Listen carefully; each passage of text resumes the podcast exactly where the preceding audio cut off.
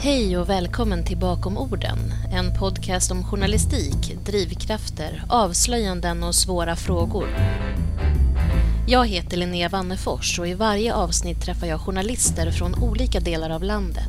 De som står bakom orden vi hör, ser eller läser varje dag. I det här avsnittet får ni träffa Erik Strömberg. Han har vunnit flera priser för sin granskande journalistik, bland annat i höstas då han kammade hem en Guldspade.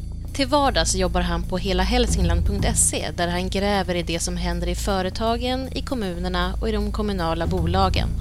I vårt samtal pratar vi om hur tiden för alla grävtips han får inte räcker till. Vi pratar om politisk styrd journalistik. Och han berättar också om hur han alltid får publiceringsångest inför varje större publicering. Här kommer min intervju med Erik Strömberg.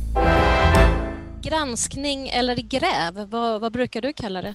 Eh, ja, det är en bra fråga. Eh, jag brukar vara ganska noga med att inte kalla det gräv eh, om det inte verkligen är ett gräv. Det är klart att det kan vara svårt att dra gränser för vad, vad, ja, vad ett gräv är men jag brukar väl tycka att jag ska gått igenom en hel del och jobbat ganska mycket med, med ett jobb innan det, innan det klassas som ett gräv.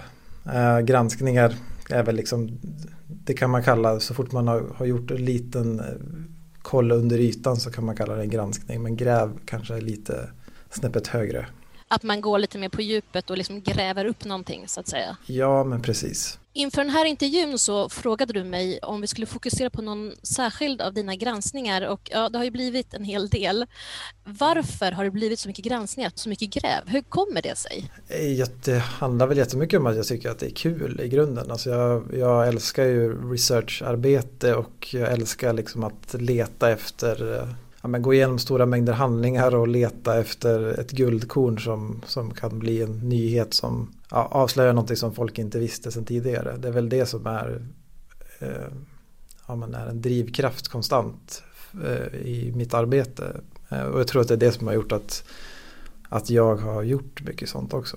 Du är ju en van eh, grävande och granskande reporter. Hur blir man det då? Ja, det, det handlar väl ganska mycket om, i mitt fall i alla fall så har det handlat om att jag eh, har fått förtroende till att göra det. Men i, i början är det såklart att man måste börja så smått och liksom gräva lite grann vid sidan av och jag har väl antagligen lagt en hel del timmar som inte har varit arbetstid i början på, på vissa gräv. Och sen har det väl vuxit till att man har fått mer förtroende. Sen har det också handlat mycket om att jag har försökt fokusera på att utbilda mig och, och skaffa mig mer kunskap och gått diverse kurser här och där för att lära mig mer om research och, eh, och berättande och så vidare. Så jag tror väl att det är en kombination av, av det och att jag verkligen har velat eh, bli granskande reporter. Många som eh, sysslar med gräv och med gränsningar pratar alltid om att ha en stickning i byrålådan. Alltså det här att ha det här lite vid sidan av det dagliga arbetet eller andra eh, längre jobb. Att liksom ha någonting som pågår. Hur mycket och hur ofta eh, har du haft sådana stickningar i byrålådan eller i, i kontorslådan som inte har lett någonstans? Oj, det är väldigt många. Jag har nog alldeles för många stickningar som ligger vid sidan av tror jag. Det är väl det som är problemet. Jag har, det finns inte brist på idéer och saker att kolla på utan snarare är brist på tid. Eh, så att man får tyvärr sålla ganska hårt. Eh, och ibland har man ju svårt att släppa vissa idéer för att de, ja, om du får ett tips som låter eh, helt otroligt om du skulle lyckas ro i landet så vill du riktigt, inte riktigt släppa det i första taget utan då kan det ligga där och och skvalpa lite grann och så gör man något ryck ibland och försöker kolla upp saker. Det får ligga och marinera lite liksom? Ja, lite så är det. Eh, så tyvärr så är det ju eh, ganska många sådana som ligger. Men vad beror det på då? Beror det på att man inte satsar tillräckligt på grävande journalistiken eller att det krockar för mycket med liksom den dagliga rapporteringen skulle du säga? Alltså det är väl en liten kombination kanske. Alltså det är klart att jag tycker att man skulle kunna satsa ännu mer på grävande journalistik. Men vi har ju också en, en, en verklighet att förhålla oss till där vi måste fylla en papperstidning varje dag och vi ska leverera ett, ett konstant flöde på, på sajten och, eh, och, det finns ju en hel del nyheter som vi bara måste rapportera om dagligen och då, då måste man ju anpassa sig till det. Sen finns det ju också dock eh, eh nyhetschefer på annat håll har jag hört som tycker att man måste gräva i saker som händer i det dagliga annars så funkar det inte med nyhetsarbetet. Men det håller jag nog inte riktigt med om. Jag tycker att man måste ta egna initiativ och eh, leta efter saker som, som inte dyker upp i det dagliga nyhetsflödet för annars så tror jag att man missar mycket också. Ja, annars låter det lite grann som att det är någon annan som sätter agendan. Alltså kanske ja. inte en medveten person nödvändigtvis, men att det liksom blir händelserna som sätter agendan och inte journalistiken eller journalisten själv. Ja, men precis. Men jag tycker att vi, har, har, fått väldigt bra förtroende från cheferna här i Hälsingland till att, att jobba med grävande journalistik. Sen är det klart att jag alltid kan tycka att det borde finnas mer resurser till det, men det eh, finns ju som sagt en verklighet att förhålla sig till. Inför arbetet med den här podden så ställde jag frågor i olika grupper på sociala medier eh, om vad man tycker om journalistik. Och en åsikt som fördes fram var just det här att det grävs och granskas för lite, att man går för lite på djupet och ägnar sig åt blåljusnotiser och så istället. Är det liksom mm. det du håller med om också, fast det finns ett nödvändigt ont i det? Nej, jag vet inte om jag håller med om det på samma sätt som, ja, jag har ju tagit del av den typen av kritik eh, mycket också från, från läsare och folk. Men jag vet inte, jag tycker ibland att den kritiken kan ibland dyka upp mot oss när vi har gjort som allra mest granskande och grävande. Så att, ibland känns det lite, jag är lite oförstående till den kritiken ibland. Men det är klart att man alltid kan uppleva att det finns så mycket som, som inte hinns med och så många tips som aldrig blir utredda. Men det handlar ju också i många fall om att det kan vara väldigt svårt att leda saker i bevis. Jag menar, vi får ju i princip dagligen tips om saker som även om vi, hur mycket vi än vill det så kan vi inte bevisa det och då kan vi heller inte publicera någonting. Och då kan det ju i viss mån upplevas som att vi inte bryr oss om det eller att vi inte vågar och så vidare. Men oftast handlar det bara om att vissa saker är väldigt svåra att belägga. Jag ska tillägga för de som lyssnar som kanske inte vet vad en blåljusnotis är. Eller snarare så här, kan du beskriva vad en blåljusnotis är? En blåljusnotis skulle man väl kunna säga är eh, dagliga händelser inom eh, krimjournalistik eller eh, olyckor och så vidare som, som vi rapporterar om. Då. Mm, precis, man får de här um, SOS-larmen till exempel och uh, ja. följer upp dem och gör poliskollar. Man ringer till uh, olika myndigheter, inte bara polisen, men kollar lite grann vad det är som händer. Och det är väl så att just uh, krimjournalistik är väl någonting som alltid har lockat, eller framförallt lockar nu, att det är många som är intresserade. För det är lite spännande och lite så true crime-känsla mm, mm, i det där. Absolut. Men du, det har ju gått rätt bra om vi återvänder till granskningen av gräven. Du har ju fått en hel del utmärkelser och priser för flera av dina avslöjanden och granskningar. Bland annat nu i höstas då du fick ta emot en Guldspade tillsammans med din kollega Therese Nilsson. Berätta om det här. Ja, ja alltså vi var ju otroligt glada över att vinna den eh, Guldspaden och vi hade verkligen inte trott det heller. Vi, vi var ju liksom helt nöjda med att bli nominerade och tyckte att det var alldeles tillräckligt. Och vi trodde... Men vänta, förlåt. Vad tänkte du då när ni fick beskedet, när ni vann? Eh, ja, jag vet inte vad jag tänkte. Jag, jag, först var det någon slags glädjerus som eh, man hamnar väl i någon slags chocktillstånd en stund. Men sen så när det hade landat så insåg man väl att vi kanske hade undervärderat vårt, vårt gräv också. Det blir väl lätt att man, är, man blir lite hemmablind och inte tänker man tänker att det, det de andra har gjort är mycket bättre. Men eh, ja, med facit i hand så hade vi väl gjort ett ganska bra gräv. Ja, verkligen. Du får berätta. Det handlade om det kommunala fastighetsbolaget Faxaholmen. Ja, man kan väl säga att det började med att vi, eh, vi bestämde oss helt enkelt för att vi borde kolla mer på de kommunala bolagen eh, runt om i Hälsingland. Och de hade väl egentligen varit underbevakade under ganska många år. Att man inte riktigt har följt besluten som har, som har skett där och att man inte har granskat dem lika hårt som kommunerna. Eh, och så vi började lite smått med sådana här klassiska kvittogranskningar av alkohol och kollade på lite fastighetsaffärer. Och, och då upptäckte eh, jag bland annat då att man hade sålt ett antal lägenheter eh, och ägnat sig åt eh, skatteplanering samtidigt när man sålde. Och när det hade publicerats, det avslöjandet, så, så började det ramla in en massa tips om det här fastighetsbolaget då i Söderhamn. Och sen började vi liksom bearbeta de här tipsen och, och försöka um, lägga fram bevis för, för dem. Och sen under året så publicerade vi en rad saker då. Dels om den verkställande direktören då i bolaget som hade sålt ett antal bilar till underpris där han eh, manipulerade värderingar och såg till att hans anhöriga bland annat fick köpa bilar billigt. Och sen så var det även ett avslöjande som handlade om skrotförsäljning och, och där personal då tog metallskrot från företaget och sålde svart och sen använde pengarna till, till att festa. Så det var väl en, en, en rad sådana avslöjanden som, som liksom visade en slags kultur av korruption i, i det här bolaget. När man gör en, en serie på det sättet, hur avgör man när vad ska publiceras? Um, ja, alltså väl tidigare har man kanske ganska mycket och jag också velat samla på sig allting jobba på med allting så länge som möjligt och sen publicera allt i, i eh, en tät serie så att säga, kanske inom loppet av en vecka eller två.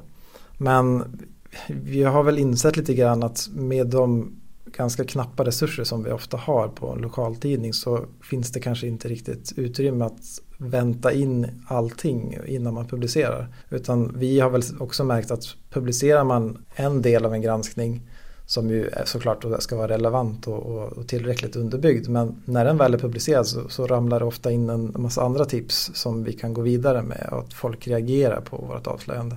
Så därför har vi väl i det här fallet då delat upp det så att en granskning har pågått under större delen av ett år nästan eh, totalt sett. Men finns det inte risken också då att man stänger vissa dörrar om man visar att nu har vi börjat kolla på det här? Jo, men det kan det absolut göra. Men eh, å andra sidan var det så pass eh, olika områden. Eller, alltså, det var allt från metallskrot till bilförsäljningar till fastigheter. Så det, och så länge det handlar om att man kan upptäcka saker i offentliga handlingar så är det svårt för någon att gömma undan det totalt. Även om, om vdn i det här fallet försökte så gott han kunde. Hur eh, lätt är det att gräva med ett rykte om att vara en grävande journalist? För jag tänker att du väl har etablerat något sånt typ av rykte i dina trakter? Ja, lite grann. Det är klart att det ibland kan det väl vara lite begränsande när man ringer någon och man märker direkt att de blir, blir lite oroliga över vad jag ska ställa för frågor. Det, det kan ju även då gälla när det är något helt harmlöst som jag ringer om så det kanske inte är optimalt på det sättet men i övrigt tycker jag väl inte att det är något, något jätte Eh, bekymmer. Utan jag tror väl mest att det viktiga är väl att jag har lärt mig hur man får ut handlingar exempelvis och är, är tillräckligt bråkig för att få ut dem så snabbt som, som möjligt och så vidare. Så det har väl, jag tror oftast att det underlättar faktiskt. Jag tänker att vi ska prata lite längre in i intervjun om det här med eh, offentlighetsprincipen och meddelarrätt eh, in, inom offentlig verksamhet. Men du har sagt i en intervju, jag tror att det var i höstas i och med just den här reportergruppen vi pratade om, att när det gäller granskning för att avslöja missförhållanden skulle jag säga att vi är helt beroende av tips från allmänheten. Var det så i det här fallet eller hur får du tips generellt? Ja, i det där fallet så började allt med eller så var det ju som sagt det här med, med fastighetspaketeringen där de har sålt fastigheter med skatteplanering. Det var ju egentligen eh, något som vi gjorde på helt eget initiativ genom att bara bestämma oss för att nu ska vi titta närmare på, på det här bolagets affärer. Och det var väl då när vi började skrapa lite grann på ytan som tipsarna vaknade också. Och då tänkte väl de antagligen att vi, vi eh, är beredda att granska det här bolaget som vi kanske inte hade gjort tidigare. Och då, då ramlade tipsen in. Och vi hade ju aldrig kommit så långt som vi gjorde för att vinna en guldspad om vi inte hade haft modiga personer som vågade tipsa om missförhållanden. Så det, det är väldigt avgörande. Så då skickar vi ut, i och med det här skickar vi ut en liten önskan till alla som lyssnar att har ni tips så ta kontakt med journalister eller ja, redaktion. Absolut. 2017 mottog du Gävleborgs journalistpris tillsammans med Arbetarbladets Johanna Wågström och Linnea Brundell för avslöjandet om att en kommunalpolitiker i Ljusdal hade en påhittad Facebook-profil där han spred kommentarer och beslut om kollegor. I den motiveringen så stod det bland annat att det viktiga är att grävandet får konsekvenser. Är det verkligen så? Ja, eh, det kan man ju fråga sig. Eh, men det är klart att det, det finns en viss relevans i att, eh, att det ska få konsekvenser. För annars kan man fråga sig vad, vad meningen är med, med grävande och granskande. Men jag, jag ser det inte som något, något liksom självändamål att någon ska behöva avgå. Eh, så, det handlar väl mer om att man vill att den myndighet eller den kommun som man granskar ska, ska ta uppgifterna på allvar och se till att eh, om det är så att det förekommer missförhållanden så ska man göra någonting åt det. Och det handlar ju om sunt förnuft egentligen i en kommunal verksamhet kan man tycka. Mm, så konsekvenser behöver alltså inte innebära att någon får sparken eller behöver avgå? Nej, det tycker jag inte. Däremot så är det så att någon, det kommer fram att någon har begått så pass grova fel så att eh, det är berättigat att avgå så, så tycker jag nog att det också är på sin plats. Men eh, det är, väl inget, det är väl inget mål vi har att nu ska vi avsätta den här personen och därför jobbar vi med det här. Utan vi handlar ju om, mer om att visa på missförhållanden och, så att de eh, kan förhindras i framtiden. Men varför är det viktigt att granska kommuner och offentlig verksamhet? Ja, men jag tycker väl att det är viktigt att eh, att eh, invånarna får veta vad deras eh, skattepengar går till och vad det är de makthavare som de har valt gör med sin tid och det mandat de har. Sen kan jag tycka att ja, men, man får ju veta en bild från myndigheterna själva som de allt mer liksom brer ut sig med i pressmeddelanden och livesändningar och allt vad det är. Men det är ju ofta en väldigt utvald bild. Att man får sällan eh, veta det som sker bakom kulisserna. Så därför tycker jag att vi fyller en ganska viktig roll när det gäller att berätta om de sakerna. Och det behöver inte alltid handla om gräv utan det kan ju bara vara om att vi pratar med anställda som ger en helt annan bild än vad, vad cheferna gör till exempel.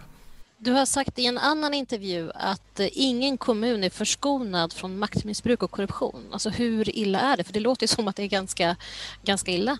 Ja, alltså hur pass utbrett det är det har jag faktiskt ingen aning om egentligen. Men det är klart att det i viss mån finns korruption överallt. Alltså det är väl inget företag överhuvudtaget kanske som är helt förskonat från det. Eh, om vi snackar i större skala. Eh, och då är det såklart att det också förekommer i, i kommunala verksamheter och där är det desto allvarligare där. Eh, och de här granskningarna som vi har gjort av de här kommunala bolagen i Hälsingland, det är inte bara det i Söderhamn utan även andra därefter, så visar ju att bara genom man kan nästan kalla det för så stickprovskontroller de granskningar vi har gjort och det har ju gett träffar på, på flera håll att det har förekommit korruption och märkliga affärer. Eh, så det är ingen tvekan om att det förekommer runt om i Hälsingland i alla fall. Under ett arbete med en granskning eller ett gräv, hur lätt är det att hålla fokus? För jag tänker att det kommer in inputs på vägens gång hela tiden och att det är det här vi tittar på liksom. Ja, det är klart att det, att det kan vara lite svårt. Men det känns väl lite som att man, man får försöka koka ner det till de, de viktigaste frågorna som man vill ha svar på och försöka hitta bevis på dem helt enkelt. Hitta så, så bra underlag som möjligt för att kunna visa att någonting stämmer. För det är ofta så att man får lägga upp ett man får ett tips och då ställer man ett antal frågor till sig själv. Stämmer det här och det här? Och så får man försöka jobba så, så gott man kan för att se om det stämmer. Sen är det klart att det kan komma diverse sidospår och man kan hamna på Ja, men man kan ju hitta uppgifter som visar att det här inte alls stämmer. Då får man ju backa och ta ett steg tillbaka och se om det ens är värt att fortsätta jobba med det. Hur eh, tufft eller slitigt är det att jobba med ett gräv eller en granskning? Ja, men det kan vara ganska slitigt. Det är väl egentligen tycker jag väl att själva researchdelen och jobbet bakom oftast är, det tycker jag är mestadels roligt och, och ja, men inte så hemskt krävande för att man kan oftast jobba med annat eh, emellanåt och få lite avbrott. Men det är väl kanske egentligen vid publiceringstid som, som det är jobbigt för att man jag har i alla fall alltid publiceringsångest och alltid orolig för minsta lilla detalj ska kunna bli fel och, och så vidare. Så att, eh, ja, men lite, man sover alltid lite sämre när man ska publicera en större grej och efteråt så får man alltid räkna med reaktioner och då kan det vara lite jobbigt om man eh, de dagarna förväntas jobba vidare med nästa, nästa jobb. Så att, eh, lite, lite jobbigt kan det väl vara runt, runt publiceringarna framför allt. En sista fråga om gräv och granskningar. Tycker du att det läggs tillräckligt med resurser på det här eller borde det prioriteras mer från redaktionens håll generellt, tänker jag? Jag tycker väl att det alltid kan satsas mer på grävande journalistik och kanske framförallt att eh, ja, men uppmuntra till det och utbilda eh, journalister allt mer till att, till att jobba med det. För det handlar ju väldigt mycket om kunskap för att man ska kunna få ut någonting av grävandet. Eh, men jag tycker ändå att vi, i alla fall här hos oss i Hälsingland på redaktionerna här, att vi jobbar på så gott vi kan med grävande journalistik och att det ändå läggs förhållandevis mycket resurser på det. Men ja, som sagt, jag tycker alltid att, att man kan satsa lite mer på grävande. Hur länge har du varit journalist? Jag har varit journalist sedan 2012 eh, ungefär. Och var började det för dig? Var det liksom så ett kall som många beskriver det som? Nej, det skulle jag väl inte säga. Eh, det, det har snarare fötts ur att jag inte riktigt visste vad jag skulle bli, skulle jag nog kunna säga. Eh, men eh, jag blev inte lärare då i alla fall. Nej, men det, det var väl egentligen sportjournalist som var tanken från början. Jag ville väl bli någon slags ny Erik Niva eller något åt det hållet. Och ägna mig åt den typen av sportjournalistik. Det var väl liksom drömmen när jag sökte mig till eh, journalistutbildning från början. Och att det inte blev så, att det inte blev sportjournalistik, hur känns det idag? Idag känns det helt rätt för att idag hade jag nog inte det är klart att jag hade kunnat tänka mig att, att syssla med det som Erik Niva gör fortfarande. Men det är väl mycket annan sportjournalistik på vägen dit som jag inte tycker är lika rolig. Uh, och då tycker jag att det är betydligt roligare med liksom, samhällsjournalistik och, och grävande. Uh, sen kan jag absolut tänka mig gräva inom sportvärlden också. Så att, uh, Just det, då har du det bästa av två världar kanske. Ja. Ehm, du gick ju på Luleå tekniska universitet, journalistik i nya medier, där innan du kom ut i arbetslivet, eller som journalist i alla fall. Vad för typ av journalist ville du bli från början? Du pratade om sportjournalistik, men var det liksom Eh, reportage eller var det liksom bara det här dagliga lite snabbare? Eller liksom, vad, vad tänkte du att du ville göra? Nej men jag tänkte väl absolut att det är lite mer fördjupande eh, kanske längre reportageskrivande. Det tyckte jag var kul när jag pluggade. Och ja, men den här typen av eh, eh kanske lite mer samhällsorienterad sport som Erik Niva ägnar sig åt var väl det som var inspirationen då. Eh, och sen att jag liksom halkade över på allmän journalistik mer handlade väl om att det var där jag fick jobb och sen insåg jag hur mycket roligare det var än att, att bevaka sport. Mm. Du sa det här om att skriva lite längre texter. Vad vill du att folk ska tänka eller känna när de läser dina texter? Ja, det är väl väldigt olika beroende på vad det är för text jag skriver. Ofta när det är de här eh, gräven om exempelvis korruption eller oegentligheter så blir det inte det blir kanske inga fantastiska läsupplevelser utan det är väl mer så staplande av avslöjande uppgifter och så. Men det för gör ju en hel del gräv med, det är, mer, det är människor i fokus också där man liksom granskar hur ett människoöde har kommit till och, och hur myndigheter har svikit och så vidare. Och då, där vill man ju verkligen att, att en berättelse ska beröra och um, att man ska kunna känna att man lever med den personen som, som man berättar om. Um, vi pratade lite om det här med drivkraft, eller du nämnde det i ett tidigare svar, vi pratade om dina granskningar. Berätta, vad, vad är din drivkraft idag? Ja, min drivkraft idag är väl att eh, ja, men egentligen att fortsätta fortsätta att granska och gräva här lokalt i Hälsingland. Jag har väl alltid haft liksom, tidigare när jag var yngre, jag har väl alltid tänkt att eh, jag skulle jobba på någon större riksredaktion och eh, kanske syssla med grävande där. Men eh, jag inser att det finns otroligt många berättelser här lokalt och jag med den liksom, friheten som jag har till att jobba med, med gräv och granskningar här så, så finns det alla möjligheter att göra bra stora avslöjanden och berätta om berätta viktiga berättelser här lokalt. För det finns så många sådana så jag vill fortsätta med det helt enkelt och så hoppas jag väl att, um, att jag ska fortsätta tycka att det är kul och utvecklas av det. Mm. Det här med lokaljournalistik, vad betyder den för dig och hur viktig är den skulle du säga? Ja, alltså jag skulle säga att den är jätteviktig på många sätt. Den, vi håller väl håll på med något sånt arbete just nu där vi ska försöka definiera vad, vad våra löften till läsarna och så vidare och varför vi, varför vi är viktiga. Men jag tycker väl att det viktiga i, i mångt och mycket är att vi, liksom, det jag pratade om tidigare, att vi kan avslöja saker som sker bakom kulisserna och vad makthavarna håller på med. Men även att vi finns där liksom som ett slags eh, kitt i samhället där man liksom kan binda samman människor och de kan läsa våra nyheter och diskutera dem tillsammans och liksom få en diskussion och en debatt eh, kring lokalsamhället. Eh, och det tror jag är en av de viktigare funktionerna som vi har. Vad beundras och inspireras du av rent journalistiskt?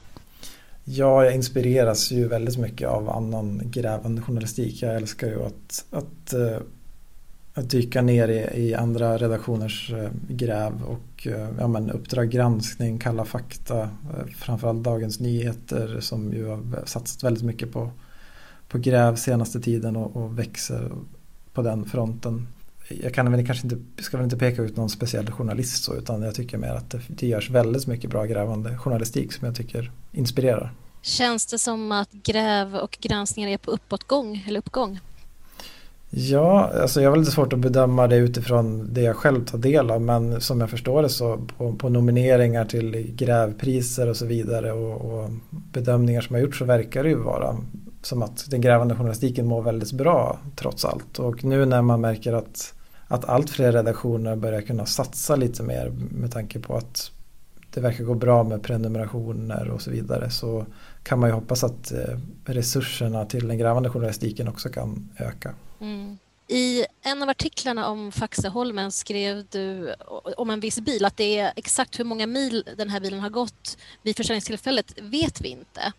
Hur tänker du kring det här med att våga blotta sig och vara transparent med vad man inte vet? Mm, men det tror jag väl är viktigt eh, att eh, man redovisar det handlar väl jättemycket om förtroende och att eh, man inte ska välja ut för ensidigt material i, i publiceringen. Så kan, du, kan man redovisa så mycket som möjligt så tror jag att det, att det underlättar för läsarna att skapa sin egen bild och eh, se på oss som oberoende så att säga. Sen är det klart att vi i viss mån ju ändå det är klart att vi vinklar, vi utgår ifrån en viss eh, berättelse och den formar ju såklart eh, uppfattningen hos läsaren. Men det gäller, jag tycker att det är ganska viktigt ändå att hålla en så neutral ton som möjligt i den här typen av avslöjanden och att ja, men, eh, redovisa också på vilket sätt så mycket som det går hur vi får fram den information som vi får. Till exempel när det handlar om de här bilarna att ja, men, hänvisa till att vi kollar i eh, offentliga register. Alltså det handlar om, om besiktningar från besiktningsprotokoll och om, eller om man fått ut handlingar direkt från bolaget enligt offentlighetsprincipen.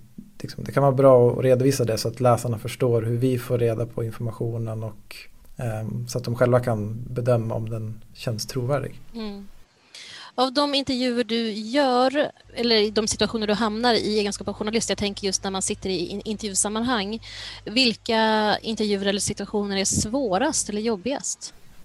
Ja, det kan väl, alltså egentligen är det svåraste tycker jag, det är ju när man, när man eh, hanterar sådana här mer känsliga ärenden där det är anhöriga till någon som har gått bort eller det är eh, personer som har drabbats av övergrepp eller eh, utsatta för diverse missförhållanden på arbetsplatser och så vidare. När man jobbar med den typen av granskningar så tycker jag att eh, det är ju mycket tyngre rent eh, psykiskt för att man, man måste ju hantera deras känslor och deras upplevelser av granskningen också. Eh, och det är väldigt viktigt att man, att man har med sig de källorna så att de känner sig trygga med, med det.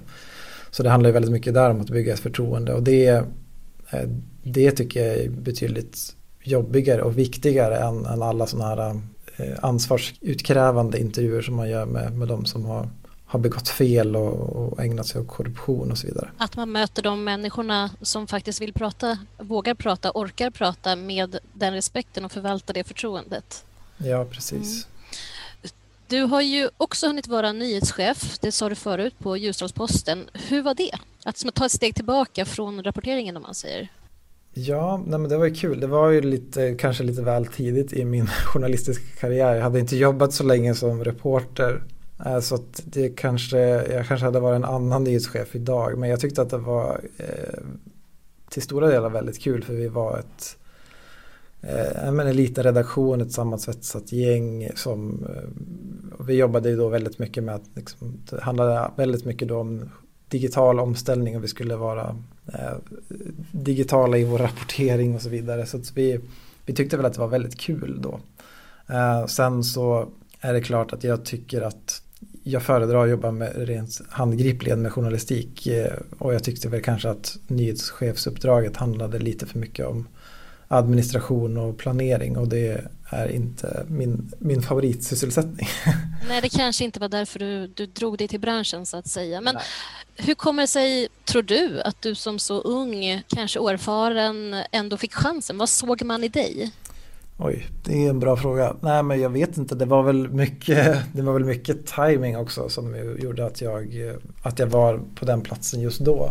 Eh, och att jag kanske var ung och lite mer fokuserad på den digitala publiceringen än, än, än papperstidningen. Vilket var det som behövdes just då. Eh, så det var väl naturligt kanske på så vis att det var någon som var ganska ung och inte hade det gamla med sig så att säga. Mm, jag förstår. Men så småningom så slutade du som nyhetschef och gick tillbaka, om man säger, till att vara reporter igen. Så var, var det ett steg tillbaka och varför slutade du? Eh, nej men det var omorganisationer i, som det har varit konstant sedan jag började i, här i, i Hälsingland och dåvarande Mittmedia då, sedan 2012. Um, ehm, och då var det en, en, ännu en i raden av omorganisationer.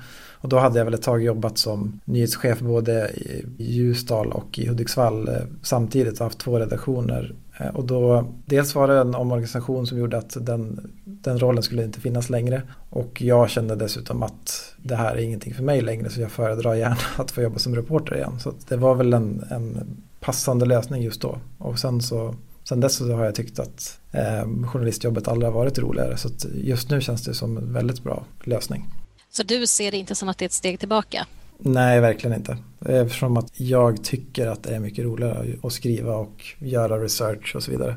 Sen är det klart att i någon mån hade det varit väldigt kul att få vara nyhetschef på en, på en renodlad grävredaktion någon gång kanske. Det hade kanske varit ett, ett annat typ av jobb. Eh, så det ska jag väl inte... Drömjobbet längre fram kanske? Ja, men kanske.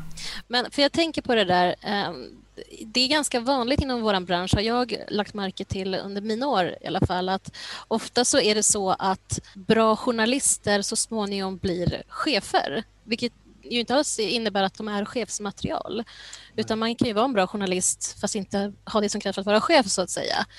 Hur ser du på det? Ja, nej, men det är väl ett klassiskt problem. Det tror jag vi har haft eh, här genom åren också. Eh, så det håller jag med om och jag känner väl att jag absolut är bättre på att vara skrivande journalist än att vara chef. Eh, så att eh, man kan väl ifrågasätta hur man väljer ut chefer ibland, absolut. Vad tycker du om attityden till yrket och attityden till journalistiken generellt idag? Ja, den är ju, det känns ju som att det är stundtals ganska infekterat ändå. Att man förstår ju att det är eh, att vi har bristande förtroende på många håll egentligen. Alltså vi, I sociala medier så får, möter vi ju ständigt kritik och det där klassiska ifrågasättandet som att vi är politiskt styrda och att vi, eh, vi blundar för de viktiga sakerna och vi granskar bara saker som eh, ligger i vårt eget intresse och så vidare. Eh, så den typen av kritik får vi hela tiden. Så det är klart att det, man vet ju inte hur utbredd den uppfattningen är men det är väl den uppfattningen som når oss väldigt ofta i alla fall. Ja, för det var också en av mina frågor. att Många anser ju som du sa att det finns en agenda bakom mm. journalistiken. Vad säger du om det? Hur, hur är det hos er till exempel? Um, men vår chefredaktör har faktiskt uh, en krönika på gång som jag nyss läst här uh, på precis det temat. Um, uh, för vi har fått kritik senaste tiden för några av de granskningar vi har gjort. och det är alltså, som jag ser det egentligen helt obefogad kritik. För det handlar ju om mycket av anklagelserna handlar just om det här om att att vi skulle vara politiskt styrda eller att vi är ute efter att sätta dit någon enskild individ och så vidare. Men det handlar ju, vi är ju till, till absolut ingen del politiskt styrda i alla fall. Det, det, står ju klart sedan länge och det har vi ju fått försvara oss med om och om igen. Och det, det spelar liksom ingen roll om den ena personen man möter säger att vi är vänstervridna och nästa person säger att vi är högervridna och då är det liksom lite svårt att, att värja sig mot anklagelserna. Eh, för det finns liksom ingen relevans i dem alls. Men sen det här med att vi, ehm, att vi håller tyst om vissa saker och att vi inte att vi blundar för saker för att vi har intressekonflikter. De, den typen av anklagelser uppstår ju också ibland och där kan man väl ha lite mer förståelse för, för kritiken för det är ju lätt att uppfatta det så när man inte vet hur arbetet på redaktionen går till. Det är om, om man tipsar om något missförhållande och sen så publiceras det aldrig, aldrig någonting om det så kan man ju uppleva det som att vi har tystat ner det. Men det handlar ju allt som oftast om att vi antingen har resursbrister eller att vi inte har kompetens eller möjlighet att liksom belägga någonting tillräckligt för att kunna publicera. Ja men det är klart att folk kan absolut få den uppfattningen och, och då måste man ju kanske lite oftare förklara och beskriva hur arbetet går till. Så att, eh, det tror jag väl är viktigt. Ja, det här med att förklara liksom hur ett nyhetsarbete går till. Kan du berätta lite, hur går diskussionerna kring just de här frågorna på din redaktion? Ja, men jag tror väl att vi, vi diskuterar lite mer nu när vi har någon slags ny uppstartsfas där vi ska liksom, rikta in oss mer på den lokala journalistiken och vara mer lokalt närvarande. Då är det viktigt att, att man tänker på de här frågorna och eh, ja, men försöker förklara det på ett så bra sätt som möjligt. Men det är klart att till vardags på redaktionen så Eh, är det väl mer liksom lite grann så slentrianmässigt för att vi är ju vana att få den här typen av kritik hela tiden. Och så skulle vi sätta oss och diskutera det allvarsamt varje dag vi fick den typen av kritik skulle vi kanske eh, skulle kanske vara lite onödigt också känner jag. Men det är klart att det behövs vi får inte glömma bort eh, dialogen med läsarna och att faktiskt förklara det som tycks självklart för oss kanske behöver förklaras desto mer för dem. Så att, det är absolut värt att fundera på. Ja, för det är ju faktiskt i relationen med läsare då i det här fallet som vårt existensberättigande finns någonstans. Ja, absolut. Och vi, man märker ju också, det är ju inte bara heller, ska vi tillägga, de negativa rösterna som hörs när vi gör granskningar. Vi får ju väldigt mycket glada tillrop också att, om att eh, ja, äntligen vågar vi, vågar vi granska och så vidare. Men eh, det är klart att det, det ibland fastnar ju de negativa orden mer. Ja, men det tror jag är mänskligt generellt. Att en, vad är det man säger? Att en negativ eh, kommentar måste vägas upp av fem positiva, eller hur det nu är? Ja, något sånt är det säkert. Något sånt är det säkert. Ja. Du, eh, bland de svaren som jag fick i min undersökning tog man upp det här med klicken versus journalistikens uppdrag. Anser du att journalistiken har gått vilse någonstans i den här digitaliseringen mot klicken och bort från att vara ute och skriva om verkligheten? Ja, alltså ett, ett tag kanske det var så när, när, när vi drevs framför allt av att man skulle uppnå en, en viss, eh, en viss, ett visst antal klick på varje artikel och så vidare. Vi är fortfarande drivna av liksom att vi ska uppnå vissa mål och så vidare men nu handlar det i allt större utsträckning om att vi ska ha ett visst antal prenumeranter och trogna läsare som återkommer till oss eh, snarare än att vi ska ha fokus på enskilda artiklar och uh, liksom den typen av mål. Så jag tycker väl att det känns mycket enklare att motivera sin, uh, sina mål nu när det handlar om att ha prenumeranter. För det handlar liksom om att där handlar det mycket mer om att, som jag ser det, som att man ska ha ett man måste ha förtroende. Alltså vi, måste vara, vi måste vara trovärdiga vi måste ha bra, göra bra journalistik. Vi måste satsa på grävande för det vi ger resultat när det, när det gäller prenumeranter har vi sett. Så jag tror att det, som jag upplever det så är det mycket enklare att motivera arbetet idag än vad det var för några år sedan. Men hur förvaltar man det här förtroendet då skulle du säga? Vad är receptet enligt dig? Nej, men jag tror jättemycket på att, att bara fortsätta ägna sig åt åt eh, granskningar så mycket som möjligt och att försöka så gott det går att hålla en neutral ton eh, i alla de granskningarna. Eh, och sen låta debatten ske runt om och vara öppen för insändare och bemötanden och även de som är kritiserade ska få komma till tal så mycket som möjligt. Så länge vi visar att vi vågar vara kritiska och vi vågar göra tuffa granskningar men vi, vi vågar också låta kritik komma till tals mot våra granskningar så då är det, borde det inte vara alltför svårt att upprätthålla förtroendet. Du har ju varit yrkesverksam som journalist i åtta år. Du är inne på ditt åttonde år nu. Hur skulle du säga att branschen och rapporteringen har förändrats under de här åren? Går det att säga ens att det har förändrats förresten? Eh, ja, det, i, i, någon mån har det väl förändrats men det är väl mest eh, kanske i arbetssättet i vårt företag som har varit då. Mittmedia hade ju ett väldigt kraftigt förändringsarbete under många år. Där allt handlade om att drivas bort från papperstidningen och fokusera på digitalt, digital rapportering och vi skulle göra tv och det är livesändningar och så vidare. Så det är klart att väldigt mycket har handlat om förändrade arbetssätt och förändrat fokus med att jobba mer digitalt fokuserat. Sen så har det ju också förändrats väldigt mycket nu sista åren med att vi, vi drivs mer av att vi ska ha digitala prenumeranter. Så de här betalväggarna har ju såklart också förändrat väldigt mycket mot för hur det var innan. Eh, och det har väl också förändrat och påverkat ja, men både oss som jobbar på redaktionerna och journalistiken i viss mån också tror jag. Kul att du nämner det här med Mittmedias digitala satsning. Jag jobbade själv inom Mittmedia under 2014 en period mm. och var just en del i ett sånt här team som skulle börja sända live mer och det satsades mycket mer på digital tv och så vidare. Så jag kan verkligen relatera till det du säger. Ja, och det har väl inte alltid tagits emot positivt får man ju säga alltså av, av redaktionerna. Det har ju varit många som har rynkat på näsan och tyckt att eh, diverse satsningar har varit fel och att man har, har övergett papperstid linjen och så vidare. Så det, det har ju varit gått fram och tillbaks under alla år och, och eh, kritik har det funnits gott om under tiden. Ja visst, absolut. 2016 så skrev du en krönika om bland annat bojkott av medier. Det var, om jag förstår rätt, ett svar på ett inlägg på Facebook. Men det här med just gratis journalistik. Mm. Bör journalistik vara gratis? Den är ju allmän och samhällsviktig och är inte alltid gratis idag. Nej, alltså det är ju, jag tycker att det är jätteviktigt med liksom public service roll i, i, den, i det hänseendet. Eh, så att det finns eh, journalistik som finns att tillgå gratis då om vi ska sätta det inom citationstecken. Men det är väl det som också gör att många förväxlar vår journalistik med den på något sätt. Som tror att vi också ska kunna överleva genom att lägga ut vår journalistik gratis. Men det är väl det som vi har, i början när vi införde de här betalväggarna så, så behövde vi ju dagligen vara ute och försvara oss för varför vi, varför vi valde att låsa in material och kräva att folk skulle betala för den. Men numera så behöver vi knappt göra det längre för att våra läsare Eh, är liksom med på noterna. Så det kommer alltid någon annan läsare in och förklarar att men de, de här journalisterna behöver faktiskt ha betalt för att kunna ha ett jobb och för att vi ska kunna ha kvar en lokal tidning så, så behöver de ta betalt. Och det är ju egentligen så enkelt det är. Vi, vi måste helt enkelt ha prenumeranter som betalar för att vi ska kunna fortsätta finnas kvar. Mm.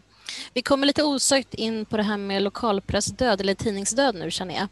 Hur eh, ser det ut hos er in, och er områdesbevakning? Finns ni överallt eller märker ni också av de här nedskärningarna som många i branschen pratar om? Alltså vi har ju under, sen jag började här egentligen 2012 så har det ju pågått eh, successiv nedrustning och folk har slutat och det har varit avgångsvederlag och det har ja, det har varit eh, nedskärningar absolut. Men eh, jag känner väl ändå att det finns någon slags eh, vind i seglen nu sen, sen vi har blivit en del av Bonnier och det finns en annan idé tycker jag kunnat se än så länge i alla fall om målsättningen kring hur, hur vi ska säkra framtidens journalistik här. Och då tror jag väldigt mycket på det här med att, ja, att vi ska satsa på en viss typ av journalistik och arbetssätt för att vi ska uppnå en stabil prenumerantkrets som liksom vill läsa oss varje vecka och som vill vara trogna prenumeranter. Och det är ju det som, det är det som gör att vi skulle kunna få den stabilitet som vi behöver för att kunna fortsätta eh, bevaka lokalsamhället. Tidigare i intervjun var vi inne på det här med kunskapen om offentlighetsprincipen eller framförallt kanske rättigheter kring meddelarfrihet och källskydd. Hur är det med det skulle du säga? Eh, det är väl sådär med det kan man säga. Nej men hos myndigheter och kommuner här så jag stöter ju på det varje vecka att det är, ja, det är ganska rejäla brister när det gäller att lämna ut handlingar. Eh, vissa sköter sig exemplariskt också ska jag säga. Men, men det är all, nästan alltid någon som tycker att nej men det här behöver faktiskt inte jag lämna ut. Och, eller det här måste vi titta närmare på om vi kan lämna ja, ut det eller så. Ja, och det är liksom det här med skyndsamhetskrav verkar, verkar varannan person tycka är... Det känns lite relativt också. Ja men absolut, det är väldigt många som tycker att ja, men vi, gör det, vi gör det så fort vi kan vilket och de tycker är inom två veckor så är det skyndsamt. Men det är egentligen inom två dagar och det är inte alla som, som vet Nej. det. Men du har också pratat någonstans om en tystnadskultur inom den offentliga verksamheten. Kan du förklara, vad menade du? Ja, men det är väl det, framförallt det vi märker när vi ska göra granskningar. Vi vet att folk eh, tycker saker, de kan berätta det för oss men de vill absolut inte ställa upp på, eh, på intervjuer och de vågar inte prata med media och de vågar knappt tipsa för att de är rädda vilka konsekvenser det ska ge och det är ju allt från privata företag till eh, kommuner och kommunala bolag. Eh, och det, det är klart att det är bekymmersamt när man, när man märker att det finns den typen av tystnadskulturer i offentlig verksamhet. Och det är svårt att komma åt eh, liksom, sanningen eller vad som pågår bakom kulisserna om vi inte får prata med någon annan än den högsta chefen. Då förstår man att det blir en tillrättalagd bild och vi får ta del av pressmeddelanden och livesändningar från kommunen istället för att prata med personalen på golvet. Och då, då blir det ofta en skev bild. Ja, och det om något är ju en agendadriven journalistik från en ja. viss avsändare. Ja, absolut. Um, jag gör ju den här podden för att på något sätt skapa en närhet till journalisterna bakom journalistiken. Det finns ju många tankar och inställningar, det har vi ju varit inne på mm. tidigare i podden. Men vad tror du skapar det här glappet då, som man kan känna alltså i motsats till närhet till journalistik? Uh, bra fråga. Ja, men det kanske är att man uh, ja, förr i världen så på lokaltidningarna så hade man någon slags mål om att man skulle Eh, Eh, man skulle alltid känna någon som, eh, någon som förekom i tidningen så att säga under, under ett år.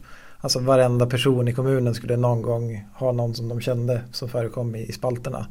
Det är väl kanske eh, delvis en resursfråga att vi inte att, att vi inte har det längre men det kanske också handlar om att man har fokuserat om och, och fok kanske inte riktigt heller skriver om de små frågorna och eh, ja, varje människa i kommunen på samma sätt som man gjorde förr. Men det där låter som ett väldigt intressant grepp som jag tror både lokalradio och andra lokala redaktioner kan inspireras av. Att faktiskt, just som du säger, om alla under ett år har haft med någon som man känner eller har någon typ av relation till, har förekommit i, i nyhetsrapporteringen, då, då får man ju den här närheten på ett annat sätt.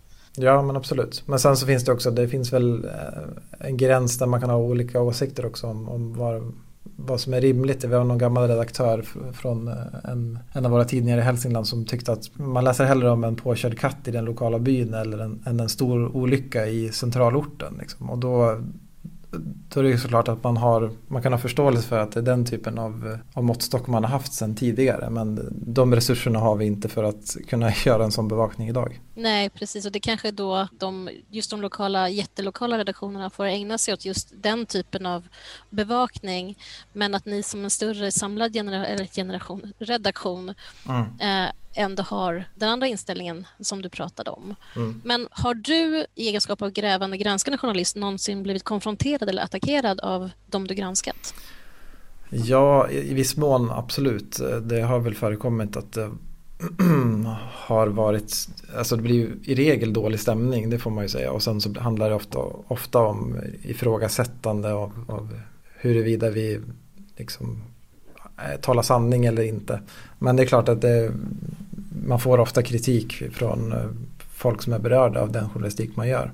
Och sen är det klart att det i vissa fall också har handlat om mer hotfulla situationer också. Men det, det är inte så vanligt förekommande i alla fall. Hur känner du inför det då? Att det du gör och har som arbetsuppgift kan, kan generera en sån situation? Ja, för det mesta så tänker jag väl inte på det utan det är väl det uppstår ju i de situationerna när, när det väl händer. Det är det som är så svårt. Det är så svårt att förutsäga när det ska hända också. När man gör de, de stora granskningarna som man tror ska rendera en massa kritik och upprörda människor så kan det ibland vara helt tyst.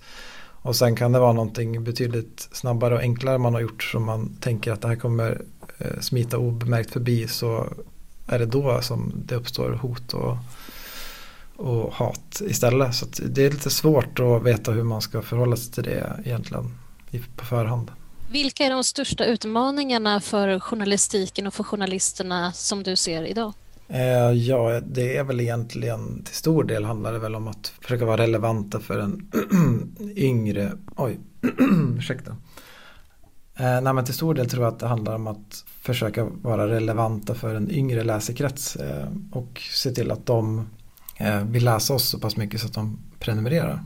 Eh, de, de äldre läsarna som har haft papperstidningen sedan tidigare de har vi liksom kvar fortfarande och de kan tänka sig att läsa om yngre människor. Men de yngre människorna kanske inte är lika eh, angelägna om att läsa om frågor som berör den äldre läsekretsen på samma sätt. Men det är viktigt att vi har både och och det är framförallt viktigt att vi har, gör journalistik som är relevant för folk i 30-årsåldern och 40-årsåldern på samma sätt som för 50-60-åringar. Så att vi har, får en bredare läsekrets och allt fler prenumeranter.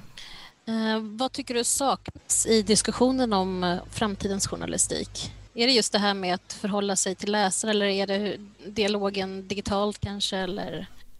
Ja, det är svårt. Eh, jag kan väl tycka att eh, i viss mån så handlar det ju mycket om att diskussionerna går mycket kring olika ämnesområden som, som fungerar bra. Att det handlar om krim och blåljus, det handlar om politik, det handlar om bostäder, det handlar om näringsliv och så vidare. Och det kanske, kanske var, kan vara lite lätt att halka in i, i, i fack där och att man bara fokuserar på olika områden och journalistik som kan göras där. Istället för att utgå från människor och deras berättelser och låta dem leda en in på de områden som är intressanta. Det, det, är svårt på förhand alltid att veta vilken berättelse som kommer gå bra och vilket ämne som kommer gå bra. Eh, det handlar mycket om att vad man får fram under en, en grävprocess till exempel. Det vet man aldrig riktigt på förhand. I en eh, tidigare intervju för den här podden så pratade vi om det här med sociala medier som ju gör att man kan skapa som filterbubblor kring det som faktiskt bara intresserar en. Mm. Att man har en tendens att bli mer selektiv idag för vad det är för någonting man tar del av, vilket ju också gör att ögonen inte öppnas åt andra håll. Att jaha, oj, det där var ju också intressant till exempel. Mm. Eh, och det är också en stor utmaning i journalistiken att göra även det som du som läsare kanske inte tror intresserar dig faktiskt är intressant. Ja, absolut. Dels är det svårt att liksom göra det intressant i första steget men det är också svårt att nå ut till de personerna som verkligen bara läser om, jag vet inte, det som händer inom en djurförening eller bara läser om mm. krimjournalistik till exempel. Mm. Ja men framförallt så märker man ju när man jobbar med eh, mer fördjupande jobb hur, hur, mycket intressanta sidospår som kan dyka upp inom ett visst ämne bara för att man har liksom fördjupat sig i det. Och då kan det ju plötsligt uppstå en fråga som är betydligt mer intressant för allmänheten än, än vad den först verkade vara. Så att säga. Så jag tror väl att man, man, kan, ju, man kan absolut lätt hamna i fack både i sociala medier och i, i det journalistiska arbetet där man tror att det här, det här funkar och det här är folk intresserade av. Men eh, vi sitter nog inte på alla svar där tror jag. Det har blivit dags att runda av. Eh, I januari så publicerades ditt avslöjande om utbrott i Ljusdals kommun. Jobbar du fortfarande med det? Kommer du dyka ner i det nu efter det här samtalet eller vad händer härnäst? Eh, nej, det där är väl, det ska ju upp till, till, till rätten snart och avgöras om huruvida det ska, han ska dömas då för mutbrott, kommunalrådet. Eh, men det har jag väl lämnat lite bakom mig, det är någon annan som sköter den bevakningen. Eh, så jag jobbar vidare med eh, några, lite korruptionstips i kommunala bolag och se om, om det finns, ligger någonting bakom dem. Du har precis hört ett avsnitt av podden Bakom orden Både mig och podden hittar du på sociala medier, bland annat under hashtaggen bakom orden.